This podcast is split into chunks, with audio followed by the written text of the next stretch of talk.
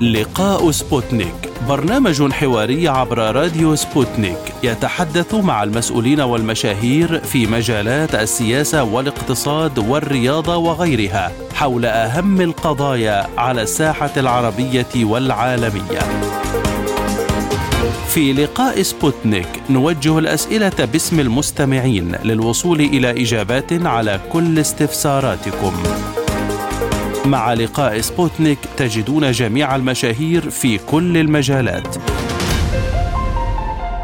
أهلا بكم في هذه الحلقة من لقاء سبوتنيك. منذ 2011 تعيش ليبيا على وقع انقسام حاد بين الأطراف السياسية والمجموعات المسلحة الرافضة لأي تسوية سياسية بين المكونات المختلفة لتصبح معرقلا رئيسيا للاستقرار في البلاد. الاختلاف في البلد النفطي له مسببات عدة، أولها شكل الدولة وهو من انسحب على الخلاف على صياغة الدستور الذي لم يتوافق عليه الليبيون من الأساس إلا أن مجلس مجلسي النواب والدولة يعملون على تجنب الدستور في الوقت الحالي والتوافق على صيغة دستورية جديدة. لكن الخلافات المستمرة أدت إلى فشل لجنتي الحوار في المجلسين لتمرير خطة الوصول إلى انتخابات. كانت الانتخابات التشريعية والرئاسية مقررة أواخر العام الماضي لكن الخلافات السياسية أدت إلى تعليقها رغم التعويل الشعبي عليها للخروج من الأزمة فعادت ليبيا مجددا إلى نقطة البداية.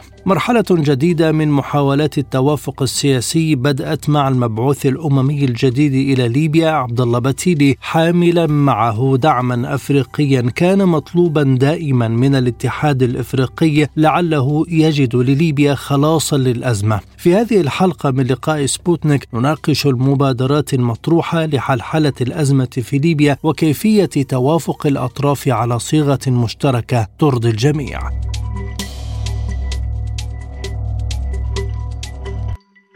معنا في هذه الحلقة عضو مجلس النواب الليبي السيد جبريل وحيدة. أهلا بك سيد الكريم معنا في هذه الحلقة وشكرا جزيلا لك لانضمامك لنا. بداية كيف تقرؤون الأوضاع بشكل عام في ليبيا مع تعيين المبعوث الأممي الجديد السيد عبد الله بتيلي مرحبا صباح الخير أخي الكريم لك ولقناتكم الموقرة والمستمعين المحترمين. بالتأكيد طبعا أنا شخصيا لا أعتقد أنه سيختلف عن غيره كثيرا لأن الظروف هي التي تفرض عليه اتجاه معين في ليبيا كما سبقه من مندوبين. للأسف ليبيا الآن تعاني من تدخل أجنبي سافر جدا ويعمق الأزمة الليبية. طرابلس الآن تعتبر خارجة تماما عن سيطرة السيطره الليبية. هي الآن يعني مسيطر عليها من حكومة أمر واقع ومن محافظ مصرف ليبيا المركزي. معزول آه، ويمارس مهامه بمخالفة وبسياسة الأمر الواقع بمساعدة أجنبية وبشرعية أجنبية فقط. وأيضا هناك ميليشيات آه، يعني لها علاقات بدول خارجية وتهيمن على الوضع الأمني في طرابلس بالكامل. ولا تستطيع أي مثلا أي اتفاق جديد يستطيع أن يعني يطبق أو ينفذ في العاصمة.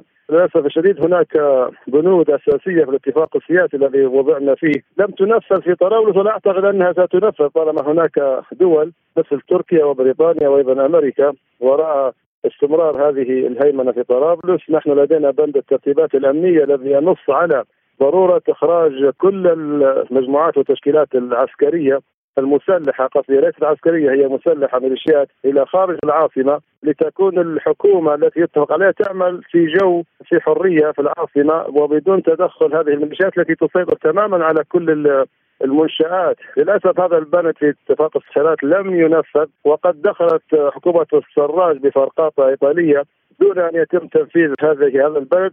فقط بالتنسيق مع هذه الميليشيات وأصبحت حكومة السراج تعمل في معية الميليشيات ورأينا منها ما رأينا صرفت أكثر من 300 مليار دينار ليبي ولم نرى منها شيء على الأرض. وضعتنا في انقسام سياسي بسبب هذا يعني المشكلة الأمنية. وجاءت بعدها حكومة الديبة وكان يفترض أنها تعمل في خارج طرابلس من سرت وهذا الاتفاق موفق في اتفاق جنيف وللأسف لم تقوم بذلك وعملت هي أيضا في معيه وحماية الميليشيات ورأينا ما رأينا. دخلت حكومة السراج حكومة الديبة في فساد كبير وانحراف كبير جدا عن مهامها التي نصر عليها خارطه الطريق وهي إخراج القوات الأجنبية، إخراج المرتزقة، توحيد المؤسسة العسكرية، لم تعمل اطلاقا على هذه الملفات، عملت على إطالة بقائها، أفشلت الانتخابات التي رسمت خارطتها في جنيف وسحبت منها ثقه وهي الآن تعمل بالمخالفه لكل القوانين الليبية. وللشرعية الليبية التي منحت لها بالثقة وسحبت منها بعد ذلك.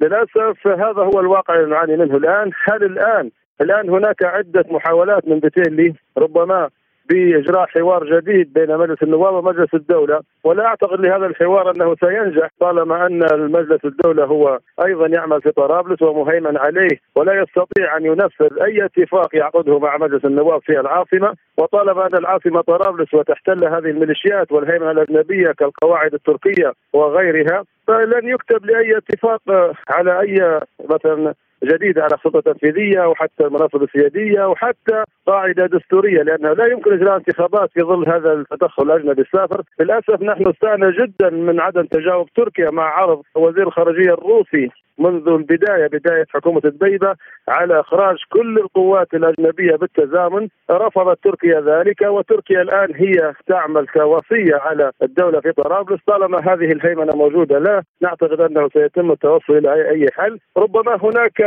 سيناريوهات أخرى. أيضا ربما هناك حوار كما ذكرت لك تحت الطاولة بين طرف أو آخر لتغييرات. ولكن كما قلت لك هذا الأمر حتى بعيد عن مجلس النواب ولكن أعتقد أنه لن يكتب له النجاح. هذا التدخل الأجنبي سيادة النائب ما هي جهاته التي تعرقل الحلول أمام الليبيين؟ وهل هي التي تدعم المسلحين أو تعطيهم الضوء الأخضر للعمل؟ أولها تركيا وتركيا لا تعمل وحدها. نحن نعرف أن تركيا لا تعمل إلا بالتنسيق مع الغرب في عضو في الناتو وحتى يعني محاولة دخول الجيش إلى طرابلس في تحريرها من هذه الهيمنة واجهتها تركيا بالدرجة الأولى والناتو كما هو معروف بقصف قوات الجيش في الوطيه وفي غيرها. وهذه الأمور معروفة جدا يعني لا تحتاج إلى دليل. المشكلة طالما أن هذه الدول لا تجد بديل للديبة يعني يضمن لها نفوذ أكثر لن تقوم بتغييره. يعني أي سلطة وطنية تختار من الليبيين وتريد أن تعمل لأجل الليبيين لن تمكن في طرابلس لأن طرابلس هي الآن للأسف مهيمن عليها من تركيا ومن وراء تركيا من تحت من وراء الستار ذكرت لك تركيا وبريطانيا بالدرجة الأولى. وأيضا ربما حتى لدول أخرى مطابع. هي أيضا متدخلة كثيرا في الأزمة الليبية الإمارات قطر كلها للأسف لا تريد لأزمة ليبيا أن تحل. ربما هي مستفادة من الوضع القائم حاليا.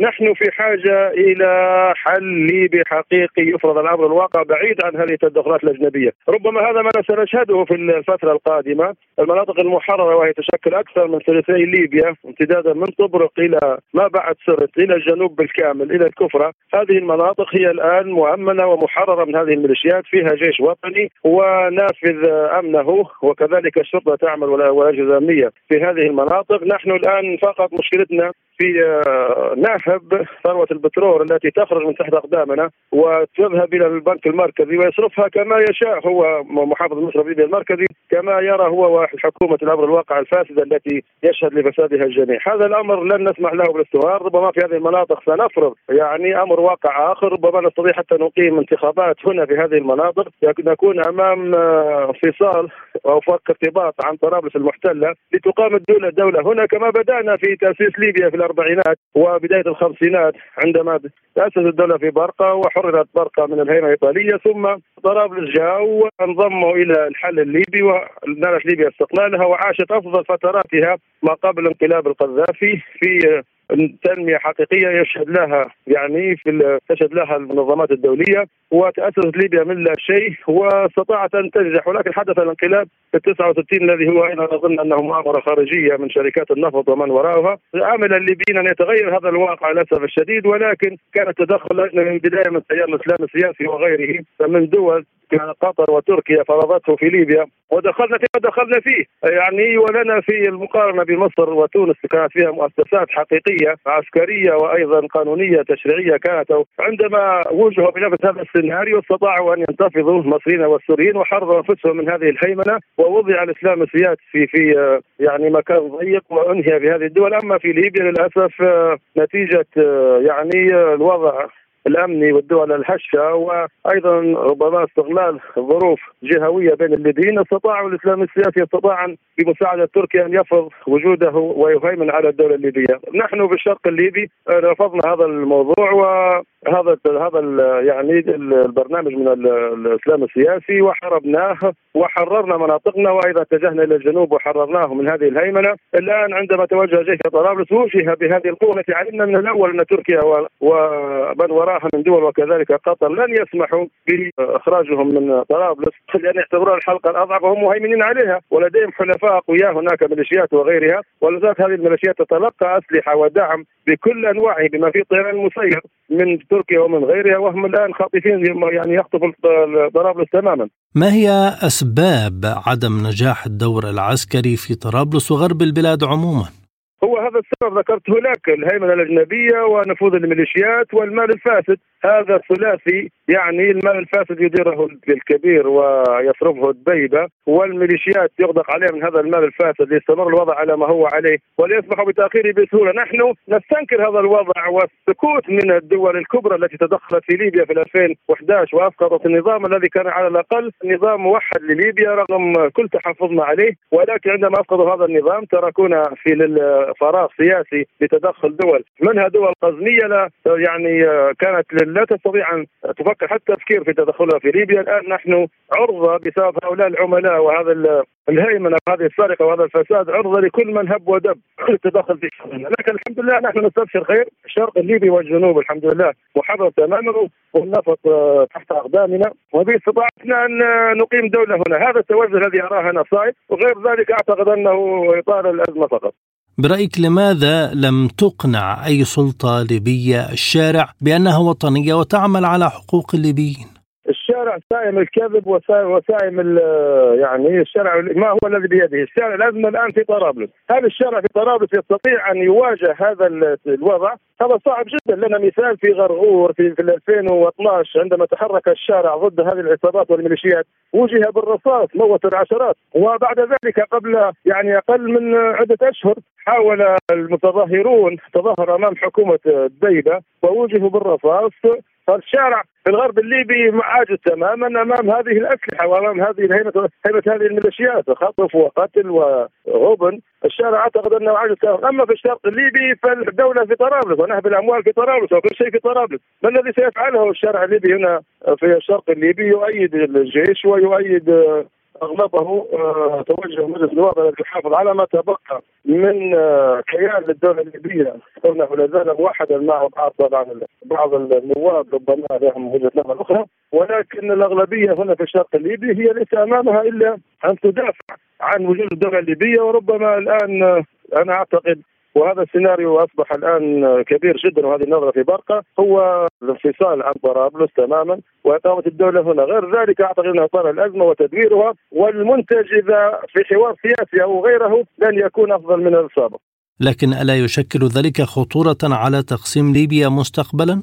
لا ليبيا الآن نحن لا نتمنى أن تتقسم ولكن في ظل هذا الوضع ليبيا ستنهار تماما إذا سكتنا على اسرار هذا الوضع الآن ربما هم الآن يريدون أن نصل إلى الاستدانة من البنك الدولي وعندما تقع الدولة في الاستدانة من البنك الدولي آه، يعني آه، تعلمون ما هو البنك الدولي ومن مهيمن عليه وستكون ليبيا قد انتهت تماما. ليبيا ليست في حاجة لاقتراض ليبيا فيها كل الخيرات استطاعت أن تكون أفضل دولة في أفريقيا وحتى في شمال أفريقيا وفي الوطن العربي، ليبيا لا ينقصها شيء، كل الموارد فقط.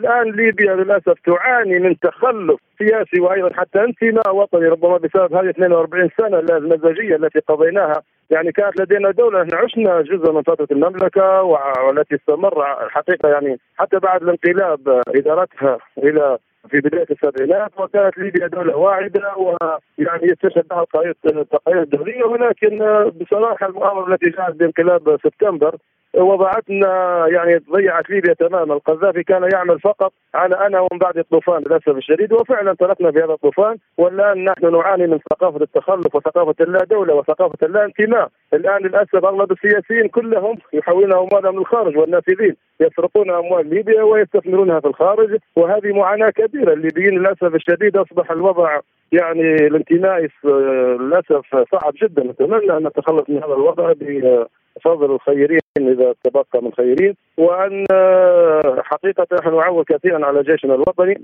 وأن يصلح الجيش أيضا ما به من انحرافات هو أيضا ليكون يعني لديه ثقة كاملة آه، أمام المواطنين الذين لا يزالون يثقون في جيشنا وكذلك الذين نثق فيه لأن نراه أنه هو الأمان الوحيد لاستمرار ليبيا الموحدة، ولكن إقامة الدولة في الشرق والجنوب الليبي لا يعني ذلك التقسيم، بل نحن آه، نقيم الدولة في المناطق المحررة ونترك طرابلس إلى أن تجفف فيها منابع الفساد وتجفف جذوره وتلحق بنا طلبة كما حدث في في بداية الخمسينات ونهاية الأربعينات، أما أن نترك الوضع على ما هو عليه أنا لا أعتقد أن هناك أي امل في التدخل الأجنبي وفي الهيمنة مجلس الأمن الذي هو يفترض أن بعثته هي داعمة فقط للليبيين ولكن أصبحت هي تحاول أن تكون هي المتصرف في ازمه ليبيا. نحن اجرينا حوار ليبي ليبي قبل شهور يعني قبل أقل من سنة ونتجت عنه حكومة وخارطه طريق تقودنا إلى انتخابات موحدة للأسف. التدخل الأجنبي والهيمنه الأجنبية رفضت الاعتراف بهذا الحوار الليبي الليبي الذي يجري يعني بتوافق كبير من أعضاء مجلس النواب وأعضاء مجلس الدولة وهو إلى الآن يرفضوه، فما الذي نعول هم اتضح لدينا تماما أنهم لا يريدون حل إلا وفق رؤيتهم هم، للأسف ولكن نجد أيضا سكوت سلبي من دول أخرى. ربما هي أيضا لديها آه، حساباتها تساوم على ليبيا ربما في أمور أخرى. ولكن الأمر والحل لن يكون إلا كما كان في بداية الخمسينات بإرادة ليبية. وبمن يقف معنا من أجل ليبيا الموحدة ولن ننسى لمن يقف معنا في قيام ليبيا الموحدة ليبيا الواحده من أصدقاء خارجين اذا هذا هو الواقع الليبي للأسف الشديد. أنا لازلت أعتقد أن الصورة لا زالت غير واضحة وكل المحاولات هي فقط لمصالح غير وطنية بالدرجة الأولى.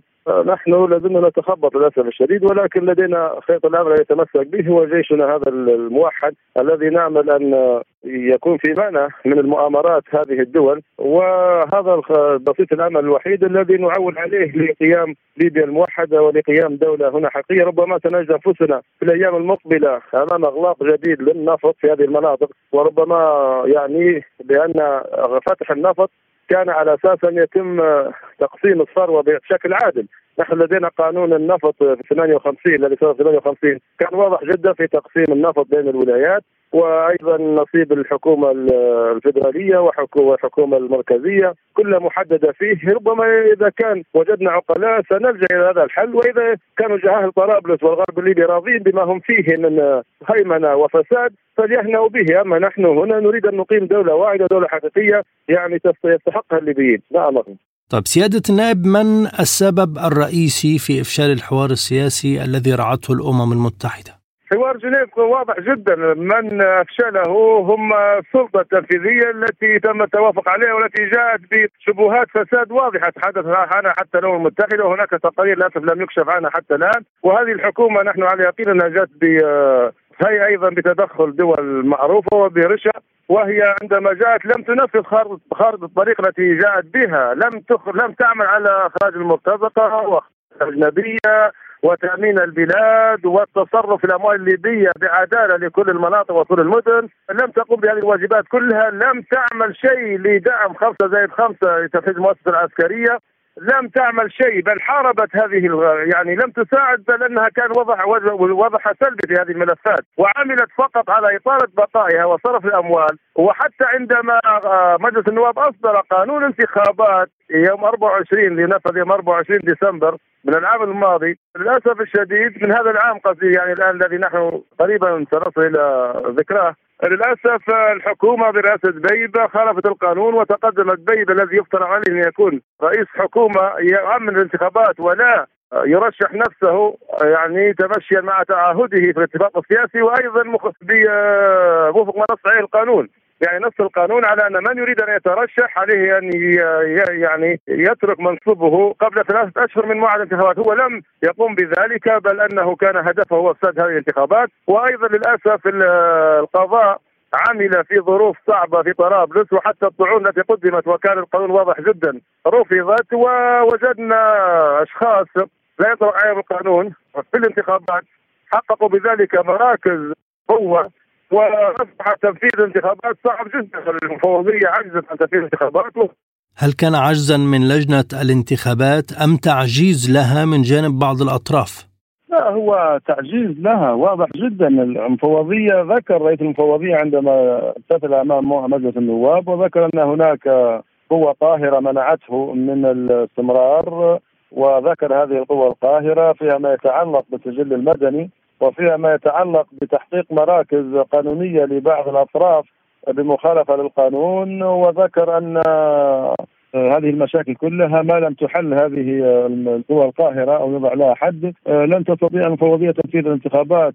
تعامل مجلس النواب مع هذه القوى القاهرة شكل لجنة لمتابعتها واللجنة عملت ووضعت خارطه الطريق بالتوافق مع مجلس الدولة للأسف الشديد. ولكن هذه الخارطة أيضا في في مسارها الدستوري كقاعدة دستوريه خالفت للأسف خالفت الإعلان الدستوري الثاني عشر بتعيين أعضاء لجنه من مجلس النواب ومجلس الدولة بالمخالفة كان يجب أن يكونوا من الخبراء يعينهم المجلسين ليضعوا قاعدة دستورية حقيقية لانتخابات قادمة. هم الآن فشلوا للأسف حتى في هذا المسار وأيضا فشلنا في تحقيق الشق الآخر من التعديل الدستوري وهو اختيار حكومة موحدة بالتنسيق بين المجلسين آه، تم التوافق عليها بين لجنتي المجلسين ولكن عندما انتخبنا هذه الحكومة رفضها المشري ومن معه واعتقد أنه يعني كان مغلوب على أمره آه، بفرض سياسة الأمر الواقع في طرابلس وإلى الآن هي لم تحصل على توافق آه، يعني وأيضا حتى شرعية دولية للأسف الشديد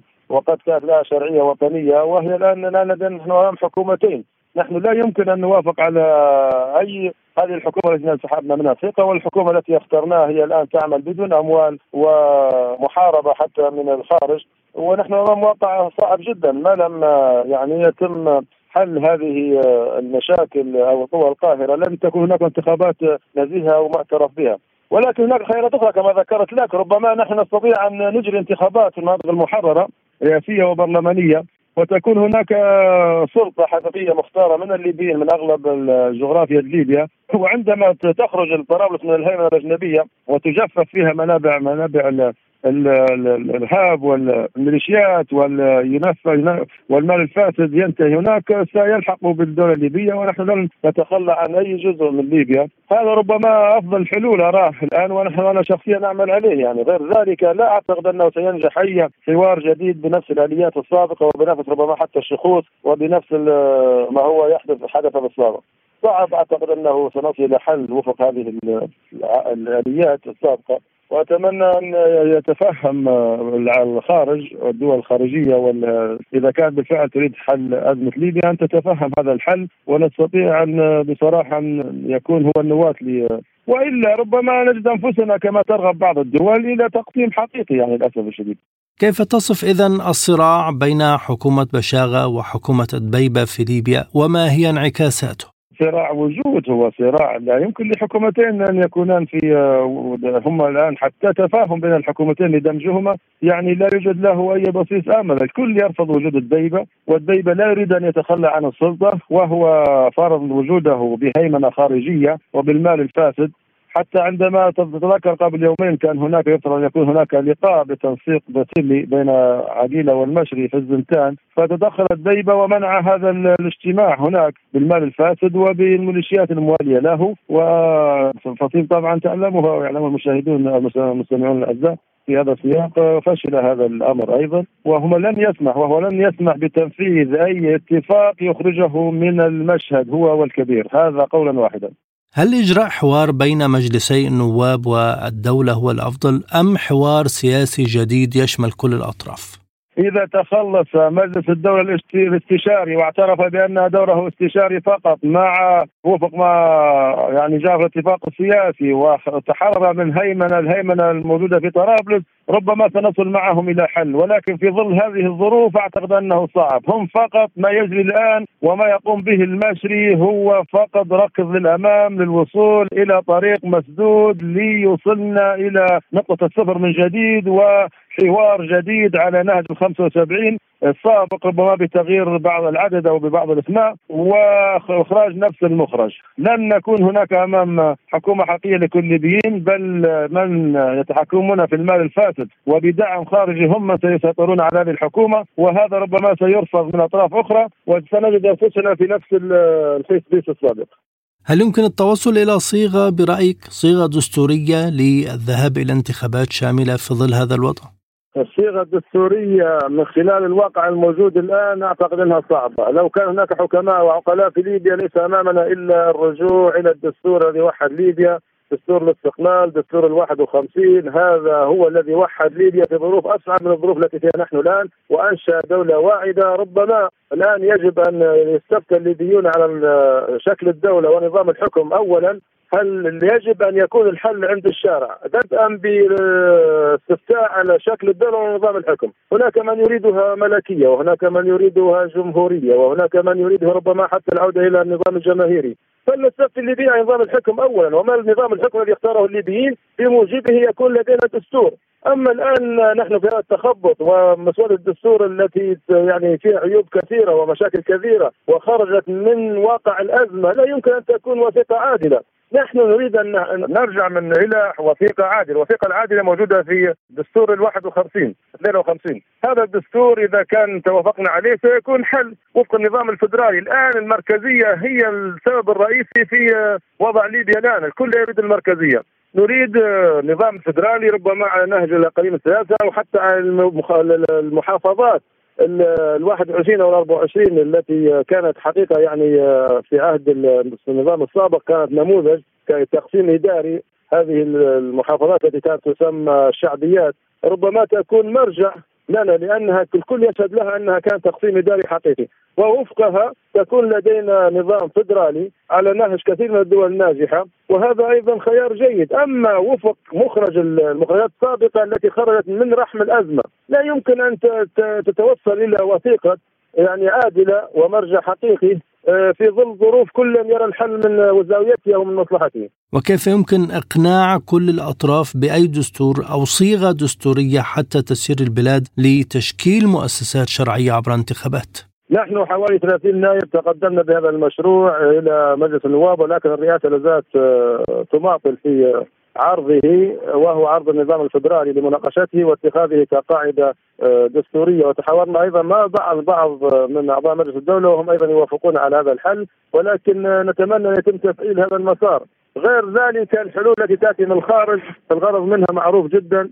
وهو إطالة أزمة ليبيا واستمرار تدميرها لمصالح دول معينة لأن هناك دول هي الآن يعني آه، تريد هذا الوضع أن يستمر أو يتغير كما يريدونه هم بعيد عن الإرادة الليبية. نحن نحتاج إلى إرادة وحكمة ليبية. هذا هو فصل الخطاب. إرادة وحكمة ليبية تعمل لأجل ليبيا وهذه تحتاج إلى رجال. إلى الآن للأسف كل يغني على ليلى. ما الدور الذي يقوم به المبعوث الأمم الجديد؟ وهل يعني تطلعاته آه، آه، ستقوده لتحقيق آمال الليبيين؟ أنا لم أرى يختلف عن من سبقوه كلهم بدأوا بلقاءات وربما مع أطراف كل يرى الحل من زاويته وربما سيحاول التوفيق بين هذه الرؤى المنحرفة أغلبها. وإخراج منتج لا يختلف عن المنتج السابق، أنا كنت أتمنى أن يكون لدينا مبعوث حقيقي مثل المبعوث الهولندي في التسعة وفي بداية في نهاية الأربعينات وبداية الخمسينات. الذي عمل في ظروف صعبة جدا وكان يلتقي مع الناس ويرى ليبيا على أرض الواقع، وثم كانت هناك لجنة دستور وانتجت دستور شهد له الجميع أنه دستور وطني حقيقي وقامت على أساسه الدولة. الآن من هم في المشهد كلهم آه، للأسف يعملون لمصالحهم سواء كانت جهوية أو شخصية أو قبلية أو غيرها. لا لا ينظر لهم لا ينظر أحد منهم إلى ليبيا ككل أو حل صالح ليبيا. هذا هو موجود الآن ولكن للأسف إذا كان اتجه في نفس المسار بنفس الآليات السابقه كما ذكرت لك سيكون الفشل هو ما سينهي به مهمته. لماذا يرمي البعض بالأزمة على نظام القذافي فيما وصلت له الأمور في ليبيا رغم ما جرى بعد سقوط الدولة في 2011 سؤال جيد جدا. أنا كنت أعمل في النظام السابق وأعرف النظام السابق جيدا. النظام السابق كان يعمل بدون سياسة واضحة بعقلية رجل واحد مزاجي عمل بأفكار طوبيه غير قابلة للتنفيذ وضع ليبيا في تخلف كامل في البنية التحتية في السياسة في وخير دليل. عندما صارت هذه الهزة التي سميت بالربيع العربي حدثت يعني في تونس استطاعوا أن يتلافوا هذه المشكلة قبلهم في مصر عندما شاهدوا تدخل من الإسلام السياسي بدعم خارج للهيمنة على الدول كانت هناك مؤسسات حقيقية جيش ومؤسسات سياسية وأمنية سيطرت على الوضع وأنهت هذا هذه المشكلة، أما في ليبيا لم تكن لدينا مؤسسات، نحن واجهنا ثورة مسلحة من البداية، القذافي كان يريد ذلك، كان يريد وكان يقول له يترك ليبيا يعني أرض محروقة وهذا ما عمل عليه وهذا ما حدث. لم يترك لنا مؤسسات دولة حقيقية لم يترك لنا حتى ثقافة دولة. ربما تتذكرون عندما كان يقول الليبيين هاجروا من ليبيا. ماذا تريدون في جزيرة الملح هذه؟ اذهبوا إلى أفريقيا اتركوها هذه البلاد. هل يقول ذلك إنسان لديه انتماء أو لديه كانت أفكاره طبية مزاجية؟ للأسف نظام استبدادي طاغي جعل الليبيين يوم بعد يوم ينتظرون زواله ولكن عندما زال ترك خلفه أرض محروقة، هذا هو الواقع الحقيقي للأسف الشديد والآن أصبح كثير من الليبيين يترحمون على ذلك الوضع السيء مقابل ما هو يحدث الآن وما يحدث الآن هو نتاج تلك الثقافة، نحن لازلنا في الهزة الارتجالية، هذه قناعتي ولا ولم يعني مقتنع بها جدا وأنا كنت أمين سابق في النظام السابق وعشنا هذه حاولنا كثيرا أن ننبه إلى هذا الخطر ولكن للأسف كان ذلك الوقت نظام قمعي. آه، من آه، عارض أعدم ووضع في السجون وقتل الألاف من ال... وحتى المعارضين الذين كانوا في الخارج للأسف أتونا بثقافة الانتقام وعندما وافق فيهم الليبيين وسلمهم الدولة في بداية الثورة انحرفوا بها وس... وعملوا لأجندات خارجية ونهبوا الأموال وللأسف هذا ما حدث يعني. الليبيين الآن امام واقع مرير جدا ولكن ربما هذه الأزمة يعني ستكون على الأقل تكشف لنا كل الأوراق وربما أنا متأكد أن الله سبحانه وتعالى لن يترك ليبيا لأن تستحق ليبيا أن تكون أفضل من ذلك. برأيك هل ينجح سيف القذافي في إرجاع البلاد لاستقرار الوضع وإعادة الأمن لكل ربع الوطن؟ لا يمكن ذلك، سيف القذافي هو الآن يعاني من عقده الانتقام، سيف القذافي ليست لديه رؤية سيف القذافي تقدم بمشروع ليبيا الغد في عهد النظام أبيه وهذا النظام لم ينجح ورفضه أبيه وهو أيضا عندما قامت هذه الثورة وقف ضدها بكل قواه وهدد أيضا ولا زال يهدد بالانتقام من الليبيين. ربما من يريدون عودة عودة سيف القذافي الآن هم فقط يريدون الانتقام والانتقام لن يبني ليبيا ليس لديه مشروع. هل يريد أن يرجع إلى المشروع الجماهيري هو لا يريد ذلك هو يريد نظام وراثي كان يريد أن يرث النظام من أبيه. الآن شخص يعاني من عقدة انتقام لا يمكن أن يكون حل لليبيا هذا هو الواقع. الحل الليبي الآن هو نظام فدرالي كل إقليم أو كل محافظة تحكم نفسها بنفسها داخليا ويكون لديها نظام رئاسي أو حتى العودة إلى المملكة الدستورية وهو الحل الأفضل. وولي العهد موجود نستطيع أن نستدعيه ونعدل حتى في الدستور والصلاحيات وتكون الصلاحيات جلها للنظام الفدرالي وتكون هناك حكومة مركزية صلاحياتها محدودة وانفاقها محدود وهذا هو المخرج ويتنافس الليبيون في أقاليم ومحافظات لبناء بلادهم. هذا هو الأقرب الحل الذي ممكن أن أما حل شامل في هذه الليبيا المتباعدة الأطراف نحن في مدينة تبعد عن قرابة 2000 كيلو متر لا توجد طرق حتى طرق جيده توصلنا إليها. يعني كيف نعيش في ظل نظام مركزي عانينا منه أكثر من 60 سنة ومدن متخلفة حتى في الطرق وفي المطارات وفي كل شيء. معاناة حقيقية في ليبيا. لا يمكن ليبيا أن تنجح في ظل دولة مركزية بهذا في هذا الفساد وفي ظل هذا الإدارة السيئة للبلاد. شكرا جزيلا لك سيد جبريل وحيدة. عضو مجلس النواب الليبي كنت ضيفا كريما معنا في هذه الحلقة. العفو أخي الكريم شكرا لك. الآن مستمعينا الكرام إلى هذه النشرة الإخبارية.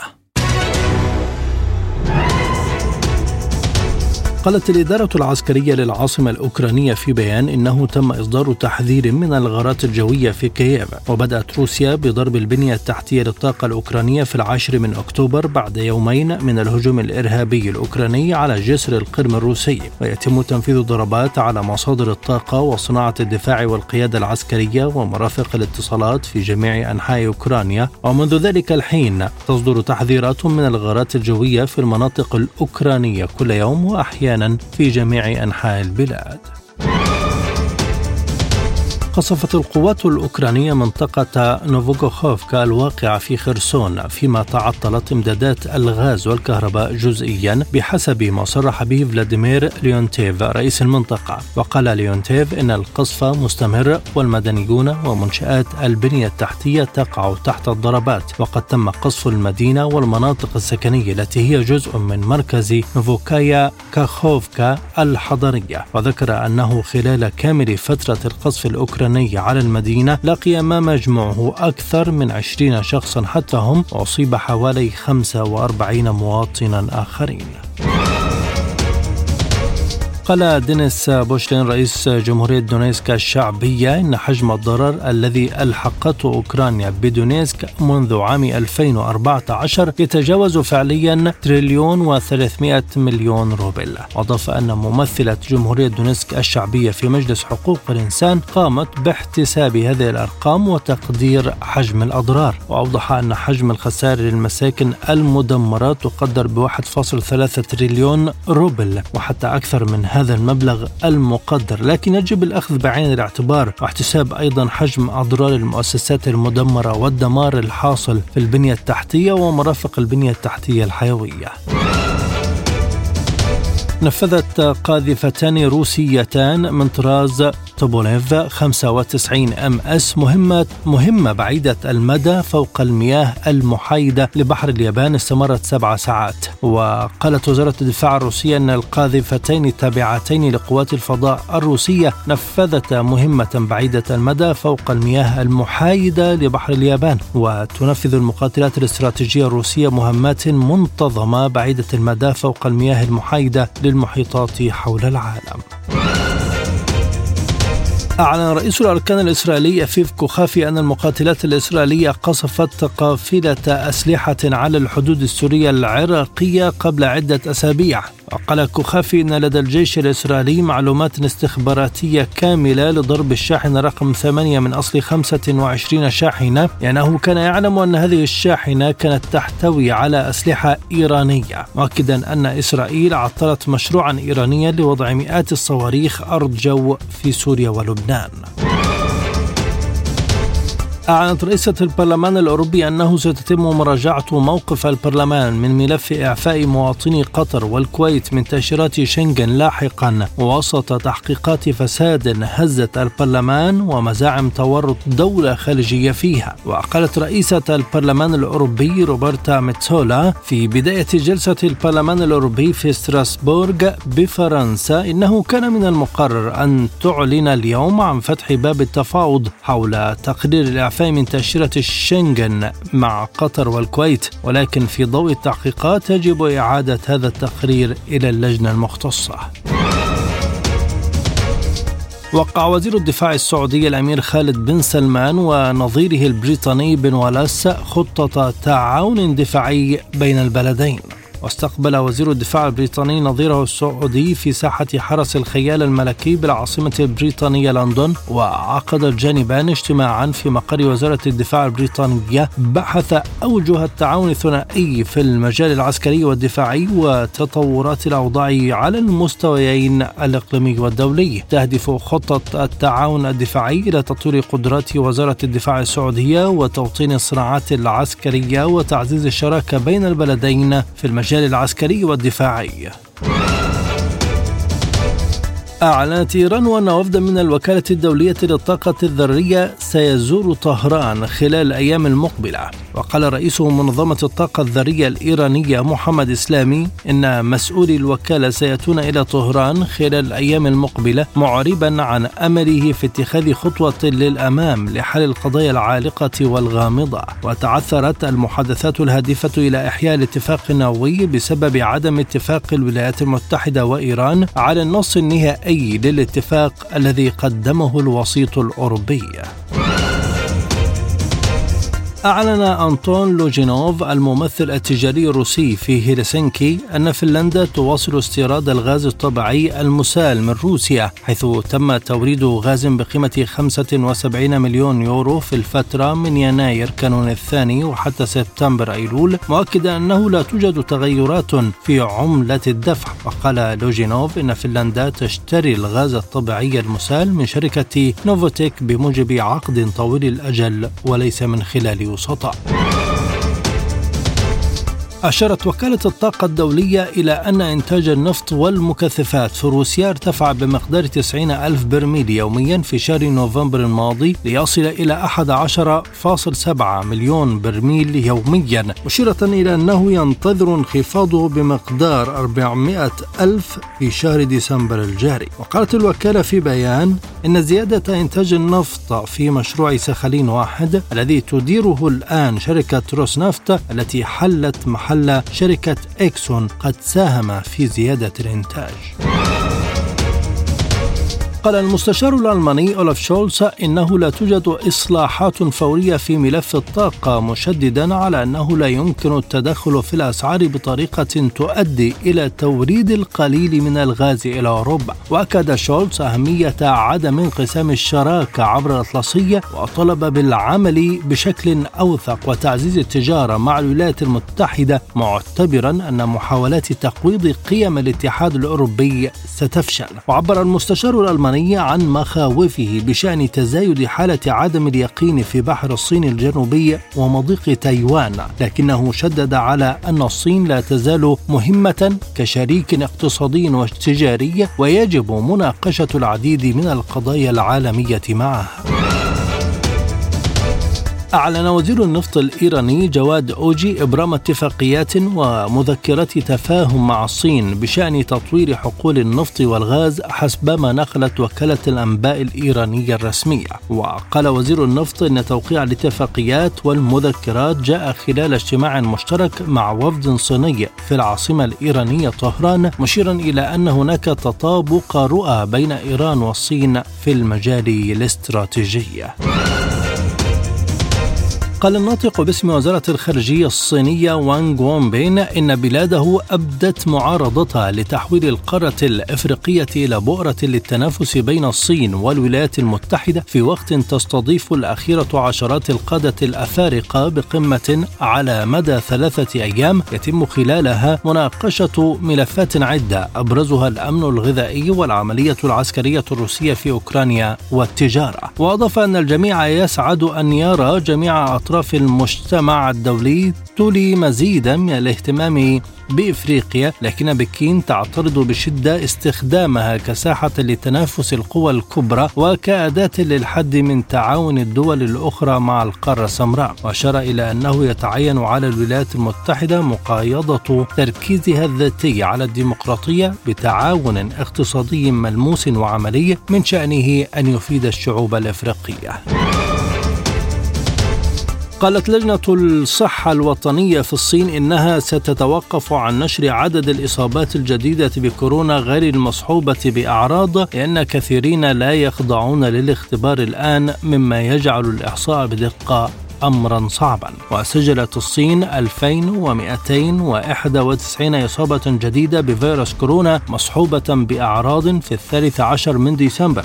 وكانت قد سجلت 7679 إصابة جديدة في اليوم السابق منها 2315 مصحوبة بأعراض و 5364 دون أعراض.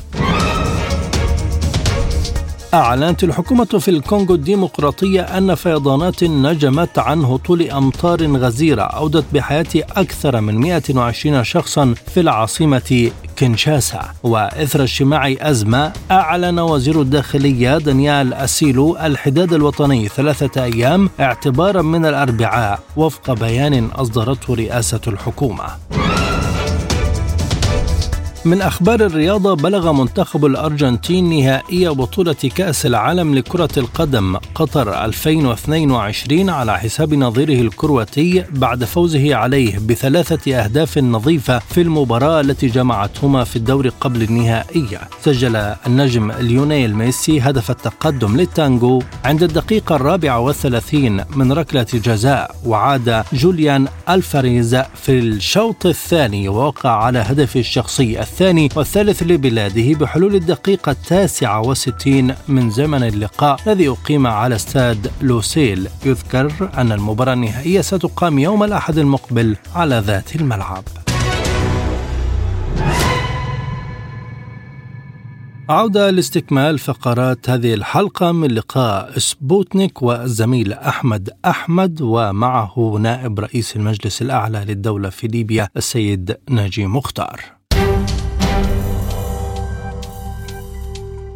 مستمعينا الكرام الوضع في ليبيا مستمر في مشهده الضبابي. بل تتفاقم الأزمات فيه بين انقسامات في السلطة وعدم القدرة على التوصل إلى توافق بين مؤسسات الدولة ما يضعها على الطريق الصحيح. في لقاء سبوتنيك هذه الحلقة نلتقي نائب رئيس المجلس الأعلى للدولة في ليبيا ناجي مختار الذي يتحدث عن العلاقة بين المجلس الأعلى والبرلمان والاستشاري والجدل الدائر حول القاعدة الدستورية والانتخابات وكذلك عن الخلافات بين حكومة البيبة والمجلس الأعلى فضلا عن العراقيل أمام تشكل حكومة متفق عليها وسط التدخل الدولي والإقليمي الذي يصعب من الحديث عن إرادة سياسية ليبية حقيقية للخروج من دائرة المعضلات المتوالية هناك.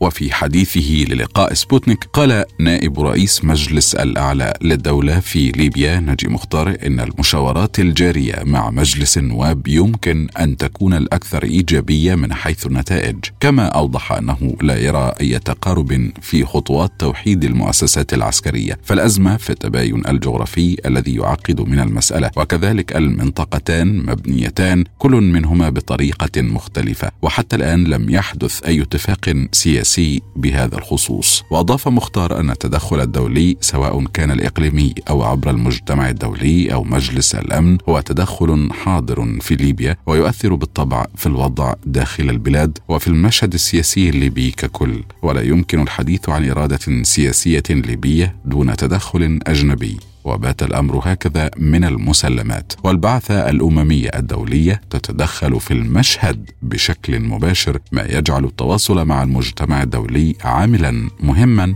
في سبيل تحقيق الاستقرار السياسي داخل ليبيا. سيادة النائب أهلا بك. بداية بشأن اللقاء المرتقب في سرت بين المجلس الأعلى للدولة والبرلمان. ما هي أهم الملفات التي سيتم مناقشتها؟ والله لم نبلغ بلقاء مرتقب يعني هو مازال كلام عن ترتيب لقاء لكن لم يحدد. لا موعد ولا أعضاء ولا أي شيء. لم يحدد الموعد حتى الآن ولو بشكل مبدئي ولا حتى الملفات التي سيتم تناولها في النقاش. حتى من سيحضر ليس محددا يعني هو أعتقد أنه كلام يعني نحن كمكتب الرئاسة لن يناقش هذا الأمر. وفيما يتعلق بالأمور داخل المجلس الأعلى للدولة الآن هل هناك توافق على القاعدة الدستورية اولا على الانتخابات اولا توحيد الحكومة اولا؟ يعني هناك عدة سيناريوهات. ما هو الأقرب داخل المجلس الأعلى للدولة فيما يتعلق بسائر هذه المقاربات والمقترحات؟ وهل ثم توافق ما على أي منها؟ المجلس الاعلى الدولة حول هذه المسألة يوجد انقسام واضح. مجموعة من الأعضاء يعني ترى بتحديد أولويات المجلس بأن يكون آه القاعده بأن تكون القاعدة الدستورية رقم واحد ثم يعني بعد إنجاز القاعدة الدستورية نذهب إلى المناصب السيادية وتوحيد الحكومة. وبعض الأعضاء يرون بضرورة توحيد الحكومة والمناصب السيادية كشرط لإنجاز القاعدة الدستورية أو الانتخابات. هذا التباين حاصل بقوة داخل مجلس الدولة. طيب أيهم الأقرب للحسم؟ يعني ما المقترح الذي يحظى بتأييد أكبر؟ وكيف سيتم التصويت ما هي العملية؟ هل سيعرض الأمر للتصويت مثلا أم للتشاور؟ وكيف سيستقر الأمر على اتجاه موحد داخل الأعلى؟ مجلس الدولة لدينا جلسة آه، تقليدية آه، كل اثنين من آه، من أول الشهر. كل يوم اثنين. من الشهر من كل شهر لدينا جلسة. آه، وجدتها ستكون الاثنين القادم يعني الاثنين الذي يليه. سيطرح فيها الأمر؟ لكن إذا ذهبنا إلى التصوير بهذه الطريقة سيكون هناك انقسام.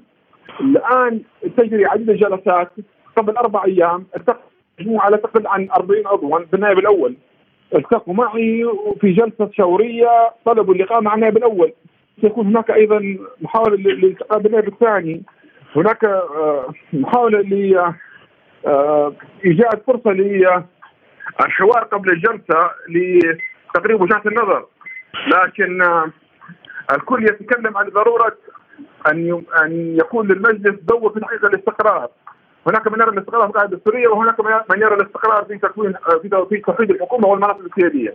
نعم. طيب سعادة النائب بشأن الخلافات التي وقعت مؤخرا ما بين حكومة أدبيبة ورئاسة المجلس الأعلى للدولة كيف يمكن تفسير هذه الخلافات؟ هل يعني ذلك أن الحكومة أو المجلس الاستشاري بات أقرب للاتفاق على حكومة جديدة وهو ما دفع أدبيبة ربما لمثل هذا التحرك؟ يعني كيف يمكن قراءة هذا المشهد في ظل وجود تأييد من المجلس الاستشاري قبل ذلك؟ لكن حاليا يبدو الخلاف واضحا بين الجانبين. حتى في السابق لم يكن هناك تأييد لحكومة البيبة لكن لم يكن هناك إجماع حول حكومة بشاغة أو حول المشروع الذي ذهب إليه مجلس النواب. ومن هنا كانت الاستفادة لحكومة البيبة لكن لم يكن التأييد لحكومة البيبة. كان آه كان هناك انقسام في المجلس حول تأييد ما ذهب إليه مجلس النواب. بالفعل. يعني آه، اذا هذه المواقف يمكن تفسيرها بأن هناك تقاربا أو تفاهما مع البرلمان على حكومة جديدة على حكومة الدبيبه وحكومة باشاغا ولذلك ظهرت هذه المواقف. نعم هناك تواصل حقيقي بين المجلسين آه لضرورة آه توحيد السلطة التنفيذية وتغيير المناصب السيادية. هذا الأمر يوجد فيه تباين داخل المجلس. لكن حصل كثير التواصلات لتقريب وجهات النظر والذهاب إلى إلى إلى مشروع مشترك. طيب البعض يتساءل متى يمكن الحديث فعليا عن البدء في تشكيل حكومة جديدة خاصة في ظل بيانات من المجلس الاستشاري لحكومة أدبيبة والبرلمان أيضا. هل في وقت قريب الحكومة الجديدة هذه أم العام الجديد أم بعد ذلك؟ وعلى ما يتوقف هذا الأمر إذا ما كان هنالك أي معوقات؟ يتوقف الأمر على مسألة واحدة فقط أن تحدد آلية الحوار بين المجلسين آه، بالتنسيق مع البحث العمومية. المجلسان الآن جاهزان للدخول في حالة حوار لكن الآلية لم تحدد بعد. التجارب السابقة كان كان هناك مقترح من البحث العمومية أو من أحد المجلسين للوصول إلى فكرة الحوار إما بلجان أو بمكاتب أو أو بمكتبي الرئاسة أو في يعني حوار وطني كما حدث في جنيف وتونس. آه، فقط الأمر يتوقف على الآلية. إذا تم تحديد الآلية آه، آه، لن يكون الأمر بعيدا. وفيما يتعلق بالمناصب السيادية سيادة النائب بعض الأعضاء قالوا إن المجلس الاستشاري تلقى طلبات جديدة بينما البرلمان يقول إن مجلس التشريع هو من يتلقى هذه الطلبات ويحيل سبع طلبات إلى الاستشاري ومن ثم الاستشاري يحيل ثلاثة مرة أخرى إلى البرلمان ليختار فيما بينها وفقا لاتفاق بوزنيكا إذا هل الاستشاري يحق له تلقي طلبات أم يستقبل فقط الطلبات المحالة له من البرلمان؟ وفق لتفاهمات بوزنيكا فإن المناصب يعني منقسمة إلى قسمين، مناصب يتم استقبال ملفاتها من قبل مجلس النواب. ومناصب يتم استقبال ملفاتها من قبل مجلس الدولة. أيضا يتم تحديد آه، ثلاث آه، أشخاص لكل منصب وتحال الملفات إلى مجلس النواب للاعتماد في اختيار من من من الثلاثة. أما المناصب التي من اختصاص أو من حصه مجلس النواب يقوم يقوم مجلس النواب بحاله ملفات يوافق مجلس الدولة على ثلاثة منها يختار منها مجلس النواب أيضا واحد. وبالتالي استقبال الملفات وفق وفق للمناصب التي تم تحديدها آه، لمجلس النواب أو لمجلس الدولة. كذلك أيضا سعاده النائب وفيما يتعلق بالاتهامات التي وجهت لحكومة ادبيبه بعمليات فساد وممارسات تتضمن تفريطا في مؤسسات الدولة وبيعا وتنازلات واتفاقيات وما إلى ذلك. أه، طيب الاتفاقيات التي وقعتها حكومة ادبيبه أه، علما بأن ما نص عليه الاتفاق السياسي الذي تمحضت عنه الحكومة ذاتها لا يخول لها توقيع هذه الاتفاقيات. إذا ما هو الرأي بالنسبة للاستشاري فيما يتعلق بشأن تلك الاتفاقيات مع دول أخرى وما يترتب من التزامات على الدولة الليبية؟ وفق الاتفاق السياسي. كل الاتفاقيات يجب أن توقع من مجلس النواب. وهذا أيضا عرف دولي. العرف الدولي حسب أغلب النظم السياسية في العالم حتى النظم الرئاسية بعد توقيع الرئيس أو أو رئيس الحكومة تحال إلى مجلس النواب للاحتمال. وهذا ما لم يحدث في هذه الاتفاقيات وبالتالي هذا يجعل شرعيتها يعني محل محل نقاش. يعني آه، هل هي باطلة؟ أي اتفاقيات آه، وقعت بهذا الشأن؟ أي اتفاقات آه، وقعت غير معترف بها وتعتبر غير شرعية؟ هي هي ليست اتفاقيات هي هي تفاهمات. الاتفاقية لا يمكن أن تكون اتفاقية إلا بعد أن تمر بالأطر الشرعية. نعم بالفعل. ولكن هي وقعت في صيغة اتفاقية. هل إذا لم يوقع البرلمان بذاته تعتبر هذه الاتفاقيات ملغاة وباطلة بالفعل؟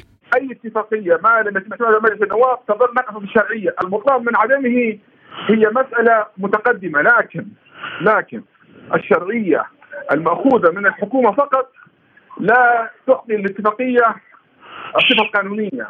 هذا آه. هو المنطق البسيط. ليبيا ليس فيها دستور الآن.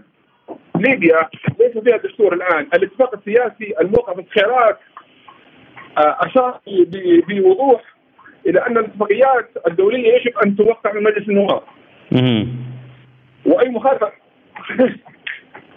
أي مخالفة لهذا الأمر كما أشرت يطعن في شرعية اي أي اتفاقية.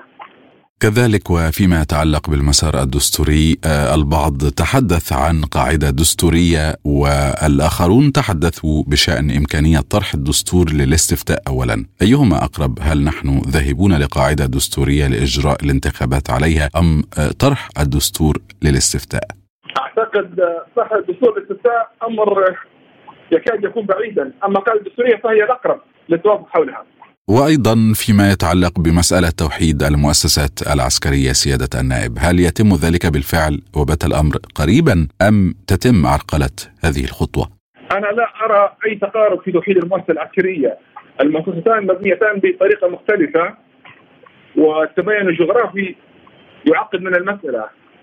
المنطقة الشرقية والغربية متباعدتان جغرافيا ولم يحدث اتفاق سياسي بالخصوص وبالتالي لا أرى تقارب حول هذه المسألة. نعم. وماذا بشأن النقاشات والتنسيق الجاري بين المجلس الأعلى للدولة والنواب حاليا؟ كان دائما هناك خلاف أو مشاورات وتفشل. هل هذا التشاور في الوقت الراهن يتميز عن غيره أو بات أقرب من أي وقت مضى بين المجلسين؟ نعم لأن الآن الحوار يتم ليبي ليبي دون تدخل وسطات وهناك فرصة للوصول إلى تفاهم بين المجلسين. نعم. والسؤال الأخير في هذا الملف سيادة النائب كانت هناك مواقف من حكومة أدبيبة مساندة لبعض الدول الغربية آه، وما إلى ذلك. هل هذه المواقف التي ربما سبقتها الحكومة آه، هي لمحاولة الحصول على دعم أو للمساندة والإبقاء على السلطة في قبضتها؟ وهل هناك تدخلات خارجية غربية تحاول إفساد الأمر أو عرقلة أو منع حدوث أي توافق ليبي ليبي؟ التدخل الدولي سواء كان الإقليمي أو عبر المجتمع الدولي أو حتى من الدول الداعمه العربيه في مجلس الأمن حاضر في ليبيا بشكل يعني منذ 2011 دائما البعد الدولي أو الإقليمي واثر في المشهد السياسي الليبي. ولا يمكن الحديث عن إرادة ليبية في هذه المسألة دون التدخل الأجنبي. وبالتالي مساله تأثيرهم في المشهد أو تواصل أي طرف معهم هذا أمر نراه باسا من من المسلمات وهم وهم مؤثرون في المشهد أيضا البحث العموميه هي ممثله للإرادة الدولية وهي متدخلة في المشهد الليبي بشكل مباشر مما يجعل التواصل مع المجتمع الدولي عامل مهم في تحقيق الاستقرار السياسي ان صح التعبير. شكرا جزيلا نائب رئيس المجلس الأعلى للدولة في ليبيا السيد ناجي مختار. وكذلك الشكر موصول لكم آه، سيدتي وسادتي. وهذه نهاية هذه الحلقة من برنامج لقاء سبوتنيك. إلى اللقاء.